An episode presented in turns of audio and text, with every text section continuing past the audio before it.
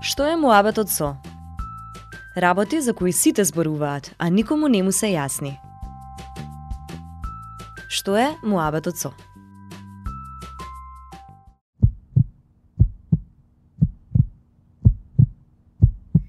Пред точно една година, во 2 часот и 43 минути по полнок, на Државната клиника за кардиологија во Скопје се случи првата трансплантација на срце во земјата. Тимот хирурзи пресадија срце на почината пациентка, чие семејство се согласи да го донира на друг пациент кој веќе чекал донор.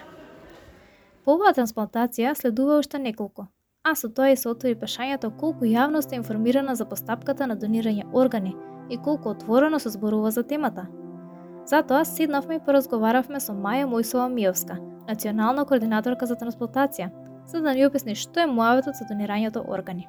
Што се однесува кој може да биде донор, значи првенствено треба да е мозочно мртов, односно да е мртов мозокот, да нема никаква функција, бидејќи мозокот е главен двигател, пилотот во тело, човековото тело, со сите функции кои што се наоѓаат и сите центри во него.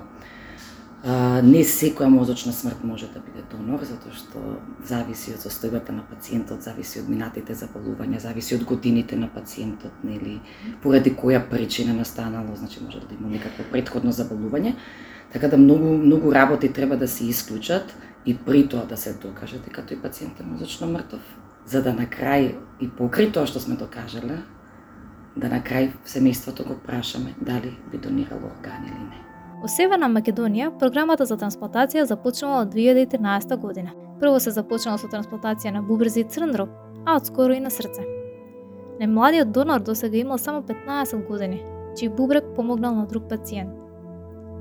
Кога станува збор донирање органи, последниот збор го има фамилијата. Освен ако личноста изрично преку нотар каже дека не сака да биде донор. Односно, не може да се отиде на нотар и да се даде изјава дека сакате да ги донирате своите органи, без при тоа да биде консултирана вашата фамилија. Видете, многу може да се причини. Прво е многу тешко да разговараме за некој кој што доживува ненормална болка во моментот кога губи свој близок, така. А, не можеме да кажеме дека расудувањата се добри. Може би да се некакви социјални убедувања, може да се религиозни убедувања, може да е едноставно отпор кон здравствениот систем, значи постојат многу причини. Или незадоволство од здравствениот систем довербата што ја имале во лекарите кои лечеле или нели ме сваќате многу фактори се во прашање не се сите семејства исти не се сите а, не се сите прилики како настанала мозочната смрт исто нешто е драматично нешто е очекувано ме сваќате. Тие се тешки моменти не можам да кажам дека постои една причина но генерално се почитува волјата на семејството. Преку клинички тестови и параметри се испитува каква е состојбата на органите, пошто се формира независна комисија од Министерството за здравство, составена од луѓето кои учествувале во лечењето. Се прогласува мозочна смрт и на крај се повикува семејството да одлучи. Само полнолетните членови во семејството учествуваат во одлучувањето, а ако се повеќе членови, тогаш две третини од нив треба да се согласат за да се случи трансплантацијата. Повикуваме фамилијата, семејството и разговараме и ме кажуваме состојбата.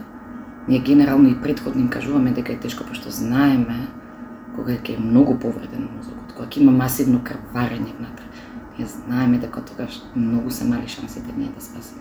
Ние лечиме за да спасиме. Но ние не сме Господ, за жал душа не дадеме. Непознавање на темата е најголем проблем, смета Мојсова Мијовска. Свесно се според неа се гради првично со едукација на медицинскиот персонал, а потоа и на граѓаните. Но според неа, потребно да се смени односот на луѓето кон смртта, бидејќи за неа не се разговара о семејните кругови. Смртта никој не ја посакува. Кој посакува? За жала е неминовна. За жала е некојаш неминовна во млади години и тоа ние не можеме да го спречиме. Сметам дека едноставно треба да разговараме дома, како што разговараме за многу теми домашни, нели? Од подолба на наследство, до пари, до станови, до, не знам, прстенот од бабата, кому ќе го ставиме. Исто така сметам дека и оваа тема треба некогаш да ја зачнеме и да кажеме дека Е, да знаете, ја слушнав приказната ако ми се случи нешто мене, да знаете дека сакам да донирам. Тоа е пораката. Еден човек може да спаси седом други животи. До овој момент, 30 на пациенти чекаат трансплантација на срце, околу 120 за бубрези, а 12 за црн дроб. Тоа се трите витални органи за кои има можност за трансплантација во државата, иако има и за делови од коскано ткиво, но бидејќи тоа има можност да се чува во фрижидер и да се трансплантира во друго време по потреба, не подлегнува на строги временски протоколи. Она што недостасува забележа Мојсова Миовска е поврзување со други центри во регионот за донирање органи, потек што значително би го олеснил процесот.